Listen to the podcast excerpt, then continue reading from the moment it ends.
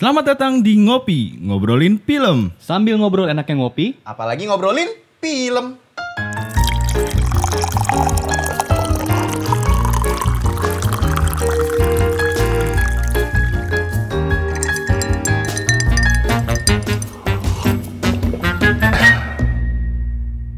Oke.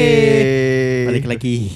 Di Ngopi, Ngobrolin film. Ih lancar soalnya jernih sekali loh nih.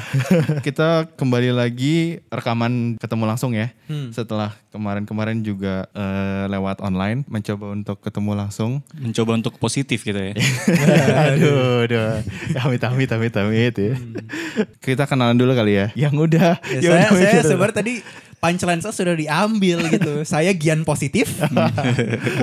Oke, dengan Aldinio normal. Dan saya Lim PSBB. Kita akan ngobrolin film terbaru dari bioskop online, film Omnibus yang berjudul Quarantine Tales. Kita dengerin dulu trailernya. Nah, ini dia yang kita tunggu-tunggu dari tadi. Yo, what's up, Aurel? Wow. Wow. Aku rasa sih ini konspirasi aja ya. Bukan yang menang giveaway malah rugi kuota tahu nggak sih, Dek? I don't uh, no I don't speak Chinese. Sorry.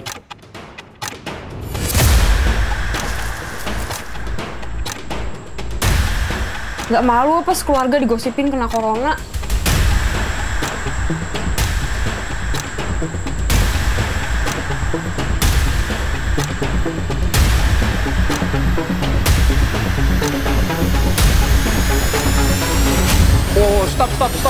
You're serious?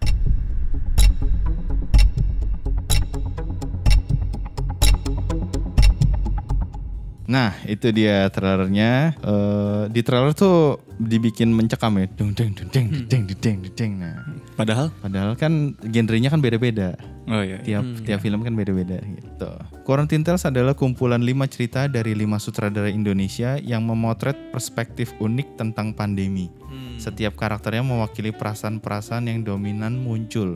Cemas, bingung, takut, bahkan marah. Dituturkan dengan jenaka, gelap, dan sesekali menyelipkan kritik tajam atas kondisi hari-hari ini. Itu, itu dia. Jadi eh, film Quarantine Tales itu ada lima cerita. Yang pertama itu Nogat disutradarai oleh Dian Sastro. Eh, terus yang kedua itu Prankster sutradaranya Jason Iskandar. Eh, yang ketiga Cookbook sutradaranya Eva Ivansyah. Yang ke berapa tuh? Yang keempat Happy Girls Don't Cry itu Aco Tenri dan yang terakhir The Protocol itu Siddhartha Tata. Oke, kita langsung ke segmen pertama. Apa perasaan setelah kalian menonton filmnya? Perasaan gue setelah nonton filmnya sih campur aduk ya, Eh, agak gamis feeling. Jadi karena kan eh, tipenya beda-beda juga gitu.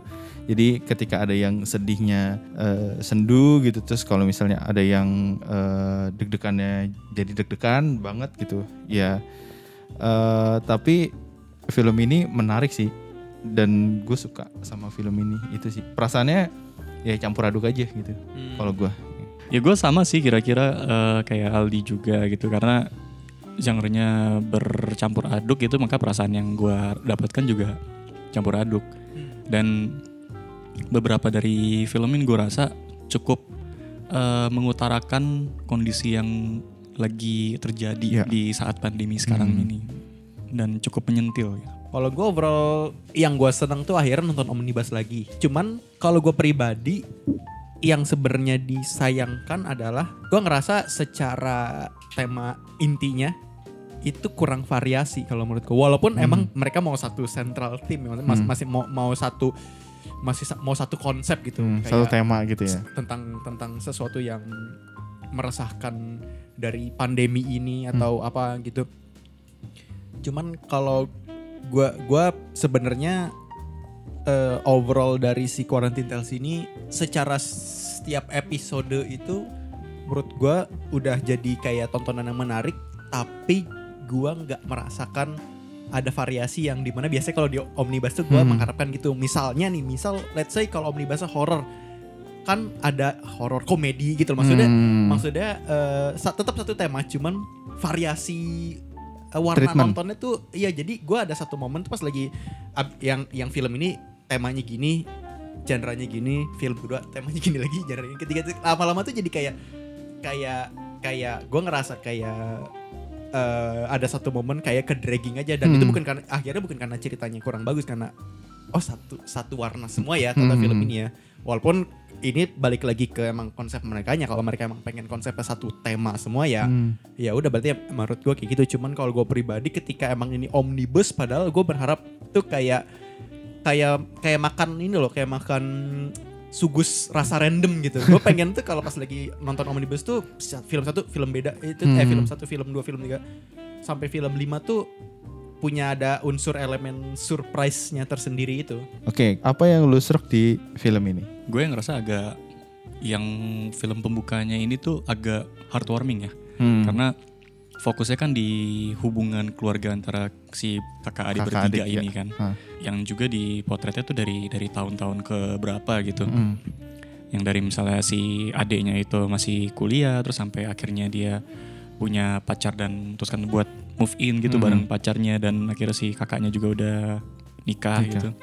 Sampai eh, ketahuan ternyata lakinya selingkuh juga kan Iya. itu itu eh, perjalanan yang cukup panjang tapi gue ngerasa di film ini tuh berhasil ng- ngompres itu di di di, di durasi yang cukup Hmm. pendek itu dan eh, menarik buat diikutin gitu.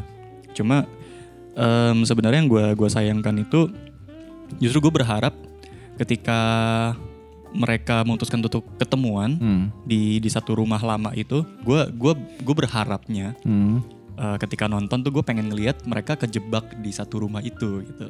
Ketika ketika mereka lagi ngumpul, misalnya eh, ketika misalnya mereka bertiga udah udah pada di satu tempat, justru di, di berita baru dibilangin harus PSBB gitu Hmm. misalnya. Jadi kejebak aja gitulah di di dalam dalam satu rumah dan mereka di karantina bertiga untuk em, mengakrabkan eh, hubungan, mereka lagi ya. gitu. Tapi oke sih, maksudnya eh, konklusi di di akhir filmnya juga Hmm. melegakan gitu. Terus yang prankster juga gue gue suka karena em, karakter dan kegiatannya itu sangat relate sama zaman sekarang gitu Hmm. kayak yang iya iya eh, pertama YouTube banget kan dan di YouTube Mm. lagi lagi ngetrennya tuh yang kan. yang ngeprank-ngeprank gitu kan, Iya. yang sampai berlebihan gitu dan itu diangkat dengan efektif gitu di di film itu. Dan juga ada ada sedikit kayak semacam Easter egg ke gejala si COVID itu sendiri. Kan si Hilang. ceweknya itu tuh nggak nggak bisa ngerasain apa-apa lagi Iya, kan setelah dikerjain itu tuh kayak kayak kayak Easter egg buat ini gejala COVID tuh kayak gini juga gitu. Iya, Jadi iya, gue iya. ngerasa kayak ada ada suatu hint ke situ gitu dan Iya. itu menarik sih buat gue. Cookbook itu gue gue suka gimana cara si tokohnya itu nge, nge- nunjukin rasa kesepiannya dia pas di pandemi gitu. Hmm. Karena em- em- emang emang bener semua orang itu lagi lagi pas lagi di karantina tuh pasti merasakan kesepian, tapi kesepian yang timbul itu tuh tiap orang pasti beda-beda tergantung dari pengalaman dia di masa lalu yang ngebentuk dia sampai sekarang kayak gimana gitu. Hmm. Dan di cookbook ini kebetulan dia ngegabungin sama isu kerusuhan Mei. Hmm. 98. Mm-mm. Dan kita kan nggak pernah tahu kan orang-orang yang lagi di karantina sekarang tuh punya punya luka apa di masa lalu yang Iya. yang ngebikin si karantina ini tuh jadi trigger yang bisa melipat gandakan Hmm. perasaan trauma itu gitu. Dan menurut gue Kupuk menariknya tuh di situ. Terus juga em, untuk yang Happy Girls. Happy Girls sebenarnya buat gue yang justru paling paling netral dari tema karantin karena eh, kalau cerita ini di, ditunjukin dengan dengan kondisi yang bukan pandemi Hmm. itu sebenarnya bisa bisa juga gitu Masih terjadi. relate-relate Masih- aja ya. ya, karena yang em, ini mungkin masuknya ke ke ke Kurang serak. ya kurang serak nanti ya tapi secara secara isu yang diangkat sih oke oke sih Hmm. gue suka karena em, ini mirip sama yang prankster gitu kan yang di zaman serba Ya, digital. sosial media Hmm. gini orang-orang tuh eh, berebut pengen bisa dapat validation gitu dari Hmm. internet dan pengen pengen dapat easy money aja gitu dari misalnya dia Bounty. ikut iya bounty hunter Bounty gitu hunter. bounty hunter yang sampai eh, mengkorbankan eh, sesuatu yang penting buat dia harusnya kayak Hmm. misalnya keluarga gitu kan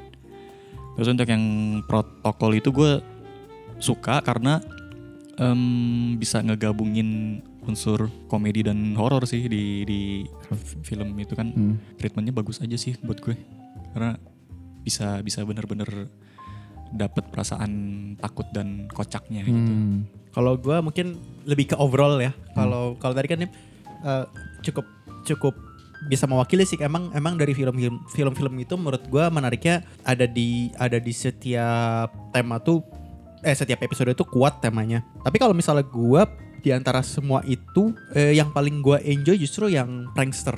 Walaupun gue sebenarnya kurang suka sama treatmentnya, tapi dari si lima film itu menurut gue prankster tuh yang bikin gue tegang. Maksudnya wala- walaupun filmnya at the end ngasih twist gitu, cuman bahkan tanpa ada twist aja, gue udah udah udah udah udah udah udah nggak nyaman sama situasi obrolan mereka. Terus apalagi ada mereka lagi live kan gitu dan dan gue kayak dari situ tuh menurut gue yang film ini menarik adalah tanpa harus ngejelasin banget something wrong Hmm. tapi gue udah ngerasa kayak ada ada sesuatu yang kayak film ini bisa nga- ngungkapin too much too much pranknya tuh dapat Mhm. tanpa harus uh, digede-gedein gitu Hmm. kayak emang orang yang too much prank tuh pasti nggak satu nggak nyadar kedua pas pas sesuatu gone wrong tuh pasti nyalahin entah produser lah atau apa. Nah. nah itunya menurut gue itu yang bikin gue kayak cemas oh ini bakal mau ditutup gimana nih filmnya Hmm.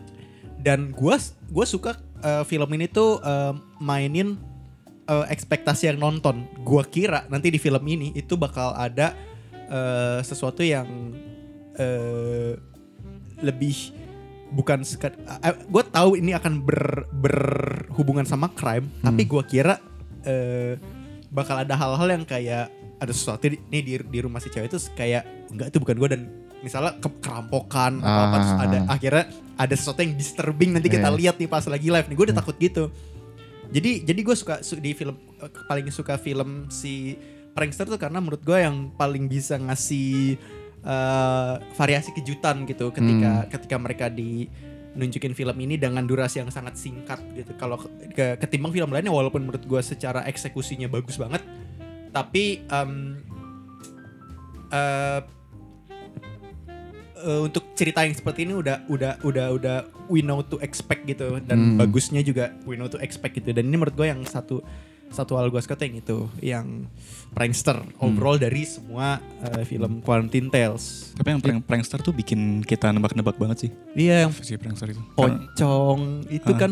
Gue gue liatin terus loh tuh pocongnya. Gue malah ngiranya ntar bakal ada kerampokan terus si ceweknya dibilangin eh rumah lu kerampokan terus dia nggak percaya gitu. Iya iya iya. Gue juga sempat gitu.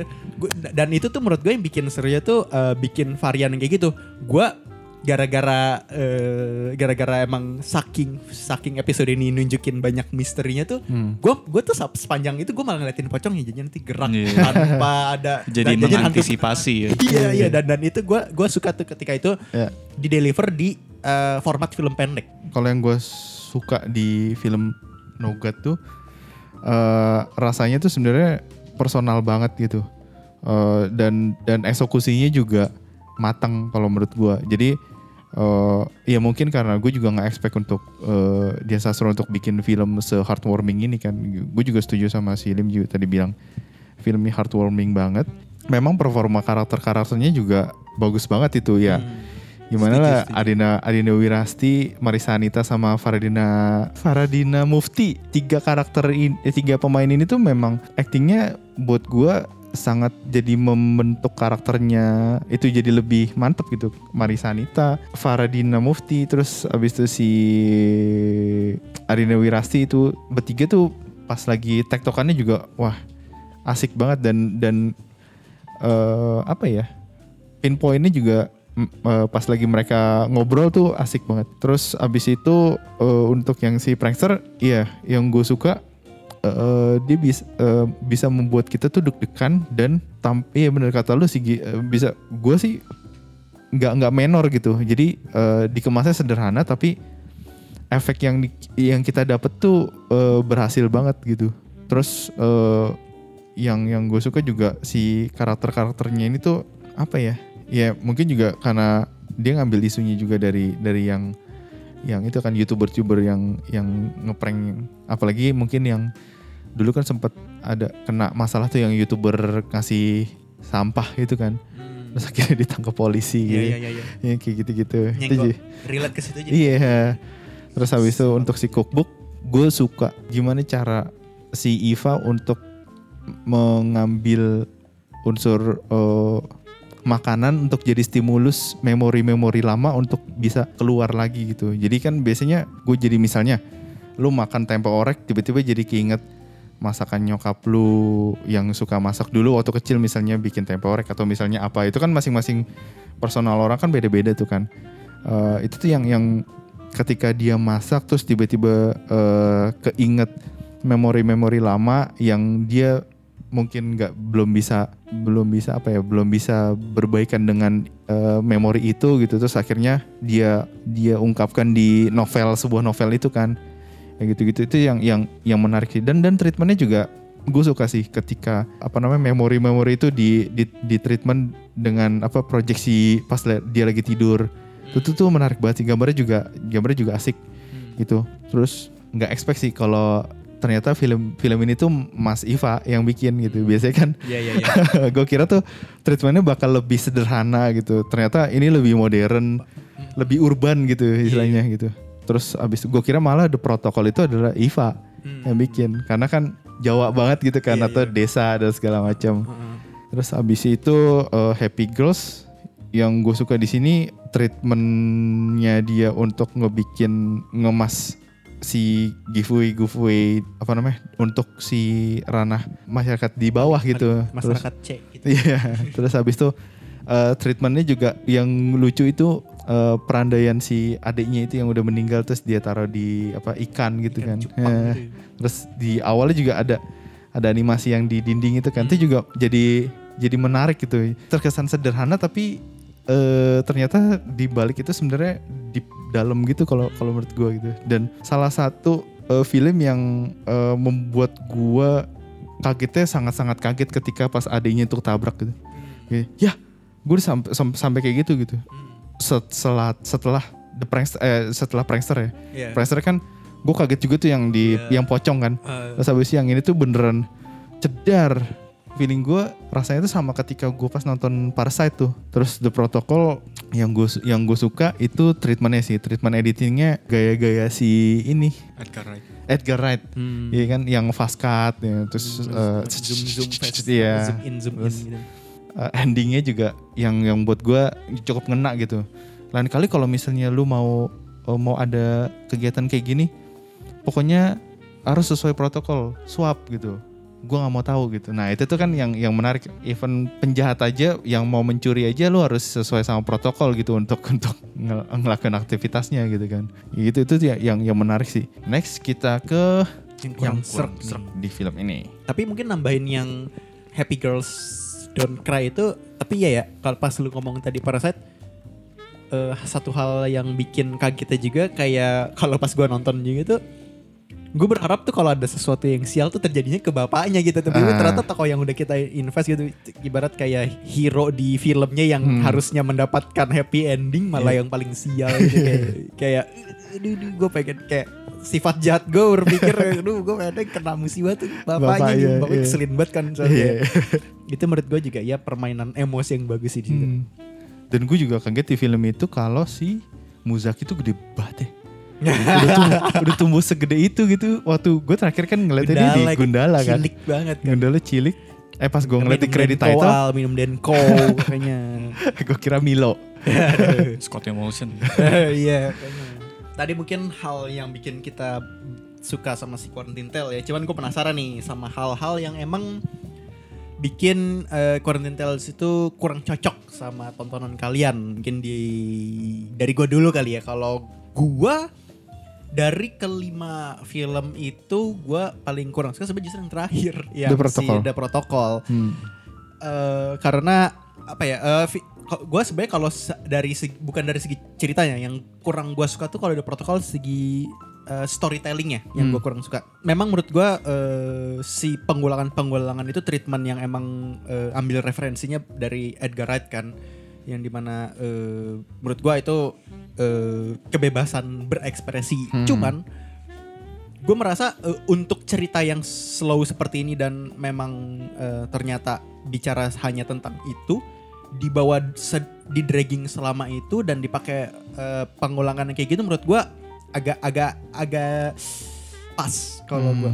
Akhirnya gue jadi jadi jadi jadi kayak akhirnya di film itu gue merasa, merasa eh, film ini durasinya panjang tapi materi yang informasi yang gue dapet di film itu sedikit banget dan pas lagi ternyata pay off-nya kayak gitu eh gue keburu capek untuk tahu punchline-nya Iya. padahal tuh punchline-nya bagus banget film itu Iya. kayak kayak kayak apa kayak semacam mau ngelucu kayak eh, makanya lain kali ikutin Iya. protokol Iya, gitu itu iya, kan iya. gue lucu cuman build up menuju jokes itunya gue gua nggak ngerasa kurang dapat gue film itu menurut gue nut eh, yang menurut gue bikin eh, nge-sacrifice itu adalah ketika mau masukin unsur horornya Hmm. yang di mana eh menurut gue di situ kayak film ini sebenarnya bisa diselesaikan lebih cepat tapi pengen masuk ada arc horror yang karena pengen ada eh, komedi di situ menurut gue di situ yang bikin filmnya jadi dragging gitu Hmm. dan dan dan ya itu gue menurut gue si si ini personal re- referensi personal ya tapi kalau misalnya menurut gue kalau emang filmnya mau em, mengambil tek apa mengambil tekniknya Edgar Wright itu entah kenapa menurut gue yang perlu diperhatiin juga si tema si cerita yang diangkat sih Hmm. karena eh, ini karena menurut gue untuk treatment seperti itu gue lebih lebih lebih merasa lebih cocok kalau misalnya itu dibawa untuk cerita yang pace-nya cepat Hmm. itu sama kayak banyak yang terjadi gue perhatiin di film horor yang eh, mengadaptasi triknya James Wan gitu kayak ada Hmm. beberapa yang eh, menga- kalau meng- apa mengambil secara visualnya aja menurut gue belum cukup gitu untuk Hmm. mendapat esensi kenapa pengulangan itu James, bisa sangat iya. menarik di saat di sebuah treatment yang eh, bagus sebagai referensi Hmm. menurut gue sih itu aja sih kalau dari overall eh, Quarantine Tales Hmm, kalau gue sih yang gue yang gue kurang serak protokol juga sama sih sama si Gian. Mungkin eh, pas lagi bagian udah masuk ke horornya itu buat gue agak agak dragging sih. Eh, dan dan jadi berasanya tuh lama banget gitu. Apa namanya pas lagi sequence-sequence mau ngubur terus habis itu eh, harus balik lagi ngambil duit. Ini kurang masuk bagian gue segini. Nah lebih suka di bagian yang awal-awal tuh. Jadi ketika dia tahu kalau ini mungkin terkena corona terus habis itu eh, gimana caranya dia berusaha untuk tidak terinfeksi. Iya terinfeksi dan segala macam. Itu tuh dari dari dari bagian-bagian bagian itu sih sebenarnya tuh asik banget tuh. Nah pada saat dia berhasil bawa ke satu hutan eh, dari situ mulai mulai agak agak drop tuh buat gua. Agak drop pace-nya terus eh, karena mungkin drop juga jadinya bikin punchline si eh, endingnya juga yang nggak nggak terlalu ngena banget gitu. Itu juga gue yang gue rasain juga sih sebenarnya. Personal aja. Eh, bagian detail yang di Nogat tuh pokoknya pas adegan makan es krim di endingnya setelah mereka udah tutup-tutup aja kan makan lagi es krimnya. Nah es krim pas ada ada satu shot yang es krimnya itu udah terlihat eh, lumer gitu terus eh, di di shot jeli sekali ya mata editor tuh ya. Tapi sebenarnya itu memang- Jadi ingin mengedit ulang ya. tapi mungkin itu kan juga satu satu shot gitu mungkin ya. Satu Iya, shot iya. eh, diambil dari atas yang masalahnya pas dari dibuka, atas ngambilnya ya Iya, jadi pas dibuka terus rapi kan. Terus habis itu baru masuk lagi ke shot yang detail. Si Adine Mercy lagi ngocek-ngocek mau mau ngecicipin es krimnya. Terus baru eh mereka setelah eh, ngobrol terus es krimnya baru makan lagi. Nah itu tuh dari yang es krimnya kayak baru dibuka encer terus masih jadi Hmm. masih bagus lagi gitu. Itu tuh yang sebenarnya eh, nggak terlalu pra- masalah juga sih di di filmnya. Cuman Cuma dia lu kepikiran. buat gue ya di di bagian detailnya loh kenapa nggak kenapa nggak diambil tag eh, beda aja gitu daripada ngambil tag yang di depan depannya gitu itu sih eh, Kalau kayak gini-gini tuh berarti tugasnya script continuity ya. harusnya iya Heeh, script continuity tuh eh, tapi memang tidak tidak mempengaruhi emosi dan eh, ceritanya sih itu detail itunya aja Gue eh, kalau di Nugat sih sebenarnya gue keluhannya cuma kurang dipanjangin dikit lagi aja sih karena dia endingnya tuh pas yang oke kita bakal ketemu ya di rumah gitu Hmm. bakal ketemu lagi terus udah gitu padahal gue penasaran banget pas udah ketemu jangan-jangan mereka kejebak karena karantina gitu dan Hmm. akhirnya mereka bisa em, kembali hangat lagi sebagai keluarga. Terus kalau untuk yang protokol, kalau tadi lu merasa eh, punchline-nya tuh menarik kan buat lu kan yang yang makanya eh, tes swab dulu gitu sebelum ngasih. Iya. Buat gue itu malah jadi kekurangan Hmm. karena eh, kesimpulan itu harusnya si penonton aja yang ngomong, Oh. jangan filmnya Hmm. gitu sih karena em, jadinya kayak kayak lu kayak lu kayak ngelucu tapi lu ngejelasin jokes lu sendiri gitu. Oke ya. Hmm. Jadi eh, sebenarnya kalau misalnya si filmnya itu nggak pakai punchline itu juga pasti gue gue yakin penonton bakal mikir ke sana sih tetap sih Hmm. akan tetap nyampe gitu pesan yang mau disampaikan oleh film itu.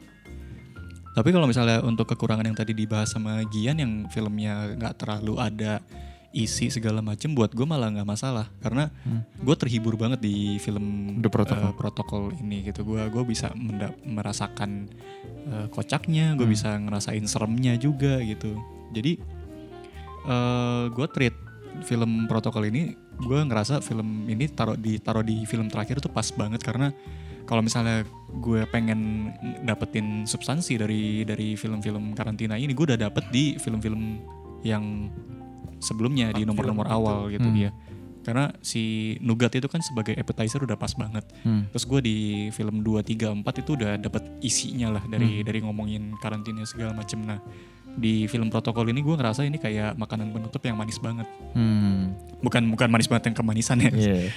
yang film penutup yang nikmat Less sugar banget dong berarti. Eh, makanan makanan penutup yang nikmat lah Hmm. untuk nextnya mungkin kita bisa coba sebutin masing-masing kali ya di antara film-film ini mana yang best segmennya kita sama yang Hmm. uh, least favoritnya segmen kita. Gue uh, bestnya protokol sih buat gue. Hmm. Biasanya protokol sama list favoritnya Happy Girls. Hmm. Bukan Happy Girls jelek tapi di di di gue kayak nggak yang paling tidak terlalu meninggalkan kesan tuh itu gitu. Hmm. Tapi sebenarnya semua filmnya tuh bagusnya rata. Hmm. Menurut gue seimbang sih ini semua filmnya tuh secara kualitinya. Kalau bicara soal best ya best. Gue kalau kalau kalau menurut gue best treatment tuh di Nogat sih kalau gue. Best segment tuh eh, prankster. Kalau yang list gue yang protokol kalau gue justru. Em, karena kalau misalnya yang eh, sebenarnya udah gue jelasin dua-duanya ya kenapa itu. Di- di tapi tapi tapi tapi kalau mungkin kalau secara overall kenapa kenapa kenapa gue kurang suka di si protokol di akhir karena eh, dari dari film pertama sampai film 4 itu menurut gua eh, pace-nya tuh lambat. Jadi pas lagi di protokol juga dikasih yang pace-nya lambat juga. Maksud gua pace lambat dalam artian eh, banyak informasi yang gua dapat di film itu gua kayak kayak kayak eh, turunnya tuh kayak kelamaan gitu teng Hmm. gitu. Sedangkan gua kalau mungkin kalau preferensi pribadi gue pengen justru yang film terakhir itu si prankster, Prankster. itu karena itu pace cepet eh, di situ dikasih sesuatu yang eh, kasih- yang yang yang perjalanan nonton itu jumping jumping gitu. Zet, zet, zet, gitu. Jadi kayak untuk abis nonton tuh kayak wah gitu. Jadi kayak lebih ditutup dengan cepat gitu kalau kalau gue ya kalau nonton yang emang kalau seluruh filmnya itu bicara sesuatu yang pace sesuatu yang em, membawa emosi kita pelan-pelan ke sedang sedih gitu gue sih pengennya diakhiri dengan sesuatu yang cepat dan dan agak dan paling beda secara pembawaannya karena si fil- karena film Prankster menurut gue di antara semua satu-satunya film yang gak ada heartwarming emotion ya Hmm. tapi justru di situ kayak ada ses- jadi sesuatu yang tek beda kan dia dari dari si ke ke Lima. lima film itu Mm-mm. Jadi secara tidak langsung lu juga mengharapkan si protokol itu di film kedua urutannya justru. Mm-mm. Tapi gue setuju sih antara film kedua tuh cocoknya tuh antara protokol atau prankster karena itu jadi kayak ngeset ekspektasi penonton kalau omnibus itu tuh Ah, yang, iya, iya, yang iya. di film ini tuh bener juga gak loh. cuma drama kayak nugat Ah, dong. iya iya iya Tapi ini bakal ada campur-campur langsung rasanya langsung gitu. itu Hmm. kebayang sih kalau misalnya si protokol ditaruh kedua tuh kayak lu bakal kaget film kedua ceritanya gini Hmm. ini tuh sebenarnya beda banget gitu ya. Uh, mungkin ini sesuatu yang uh, sama gua rasain waktu nonton Forbia sih. Hmm. Di mana menurut gua ada ada elemen bagus ketika lu nonton Omnibus tuh kaget banget pas lagi nonton episode 1 terus episode selanjutnya tuh berubah banget walaupun di di Forbia kan juga pakai Mhm. format gitu kan. Iya. Fi- Film terakhirnya yang jadi total komedi kan yang Iya. di mana itu surprising abis nonton tuh lega lo abis didepresiin terus Iya. selama panjang sepanjang film jadi refresh Endingnya lagi jadi, gitu ya. aduh gitu kayak semacam itu sih kalau gue Oke, eh, kalau gua yang best karena Nogat di awal dan gua memang maksudnya ini personal preference juga. Gue demen film yang keluarga. Jadi kayak wah, ini yang lebih efeknya lebih besar ketika gua pas nonton gitu. Wah, ini nih gitu. Nogat kayaknya Nogat deh. Nogat terus eh, yang list apa ya? Protokol gua. Apa karena apa karena eh, itu apa karena lagi-lagi dia ada di belakang gitu. oh udah keburu capek kali ya Iya. Dan dan itu yang tadi gue udah sempet eh, bilang di di segmen yang kurang stroke itu, gue cukup suka di di pas awal-awal dia membuka filmnya sih, fast cut, terus eh, tiba-tiba lagi yang tatok tatok tatok tatok terus habis itu teng, eh, ada satu jeda kayak dibikin jeda yang si ada orang mabok yang lagi naik motor itu kan dari yang ya, dari yang editingnya itu yang tak tak tak tak tak tak terus tiba-tiba satu still shot tep cuman kita nungguin si itu eh, lewat di frame kayak gitu-gitu itu tuh itu yang asik terus setelah itu baru buat gua agak-agak turun sih sebenarnya Tapi emang kalau gue lihat sih dari dari semua film itu yang paling lulus standar industri itu yang Nogat ya. Gua gua gua gua ngerasa Nogat itu kayak em, secara kualitas tuh Paling yang komersil paling ya. Hah? Paling komersil gitu. ya. paling komersil, paling apa ya? Mungkin bi- bisa gue bilang paling experience di antara eh, semua semua film yang lain gitu. Experience dalam artian bukan bukan experience secara filmmaker dan storytelling ya, tapi secara keseluruhan gue merasakan emang si Marisa Anita eh, Adinia. Adinia Wirasti sama Faradina Faridina itu menurut gue yang kelebihannya dibanding film-film lain. ya Kayaknya memang harus harus emang kayaknya karena dia mereka sering syuting dan filmnya macem-macem, akhirnya gue ngerasa tuh kayak ada kayak kebayang gak sih eh, aktor itu kalau acting ada yang ah gue jadi aktor gue harus acting sama aktor yang memahami karakternya. Hmm. Jadi gue nggak tahu eh, kan, kan kan kayak eh, banyak kan kalau gue lihat tuh di di di di film-film Quentin Tales itu karena mungkin mereka ketika dijadikan aktor kayak ada tanggung jawab gue harus acting Iya. yang di mana itu gue kadang suka kerasa dan akhirnya eh, ngelepas imersi dunianya kalau Hmm. gue ngerasa tuh kalau yang si Nogat itu yang paling kayak nggak disuruh acting tapi justru itu yang bagus jadi kayak Hmm. kayak daily life conversation nih kayak gitu Hmm. Padahal kalau diperhatiin juga semuanya dialognya bagus. ya Cuman gimana mereka ngucapin itu kayak gua nggak tahu ini bakat ya atau Iya, atau mungkin karena iya sih. mereka experience sih dari situnya sih. puas nggak lu sama sama yang disajikan sama Quarantine Tales Wih, Tuh. Saya saya sih puas dan recommended. Hmm.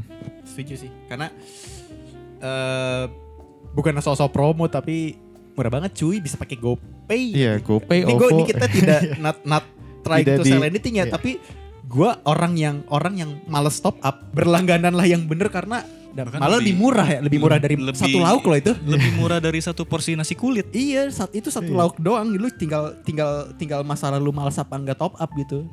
Cuman Udah gitu nggak ada biaya delivery lagi kan? iya nggak ada. Udah. Bayar aja udah. Terus kalau kalau kalau kalau menurut gua juga karena ini omnibus jadi secara nilai plus ya omnibus tuh mau bagaimanapun punya kekuatan kayak film pendek bikin yang nonton bisa jadi jadi pengen bikin film juga jadi menurut gua nih Betul. sangat recommended sih Iya. Menularkan semangat. nular Iya, ya bener, nular nular Jadi Anda mau bikin film pendek nih? Hah? Anda mau bikin Anda mau bikin omnibus tapi enam-enamnya Anda gitu. Iya. Fokus on Gian Raraka. Aduh. Eh, bayi gitu sih kalau overall ya gue sangat sangat merekomendasikan. gue juga sama sih. Gue eh, puas banget dan sangat-sangat merekomendasikan Quarantine Tales untuk kalian tonton sih. Hmm. Apalagi dengan harga yang afford- affordable gitu loh. Anjir, Ini, cepet ini lu berdua dibayar gue nggak diajak ya kayaknya ya. enggak, enggak sih. tapi bener-bener. enggak, tapi gini, kalau misalnya lu Nah, langganan lu tadi mintanya Apple atau Samsung? gue mentahnya. Oh, iya. lu udah di transfer belum? Apa? Udah di transfer. Lain HP gue baru. Bisa Lu QR code. di email emang Lip? Bisa. Enggak, enggak. Kita semua tidak ada yang di eh, diinin sama bioskop, Bioskop online, online, gitu. Tapi memang apa Kita ya? cuma sharing aja betapa Iya. mudahnya nonton Quarantine Tales Iya, dan dan Ori gitu. Mm-mm, gitu. Istilahnya ini kan ko- kompilasi film pendek ya gitu. Jadi ceban lu bisa dapat 5 film pendek. Satu filmnya 2000. Iya, iya. Lu bayangin aja. Malah membikin saya jadi tidak ingin jadi filmmaker gitu. Bayangin lu kalau pesen Yoshinoya yang eh pesan Hokben yang paket C itu udah 50 ribu. Baik lagi sih mungkin mau beli sebat nih udah lah. Kalau 5 ribu buat lu untuk sebat sih boleh-boleh aja. Iya sih itu kok eh, ya itu sih. Tapi ini nggak bisa diketeng ya. Misalnya gue mau tiga film aja gitu 6000 gitu. nggak bisa. Nggak bisa. sudah sudah kumpulan gitu. Kecuali bahwa mau mencacah sendiri gitu. ya itu sih kalau dari gua eh, puas dan recommended untuk film Quarantine Tales. Cukup refresh eh, film-film yang ada sekarang lah gitu. Atau mungkin ada ada yang kangen pengen nonton film Indonesia gitu kan. Ini mengobati banget. Mm. Oke, terima kasih teman-teman yang udah mendengarkan sampai saat ini. Eh, kalau misalnya kalian punya kritik atau saran bisa eh, colek-colek kita di sosial media kita di Twitter ada ada di ngopi at ngobrolin film eh, dan di Instagram ada at Pictures. Segitu dulu eh, episode kali ini. Sampai jumpa di episode berikutnya. Dadah.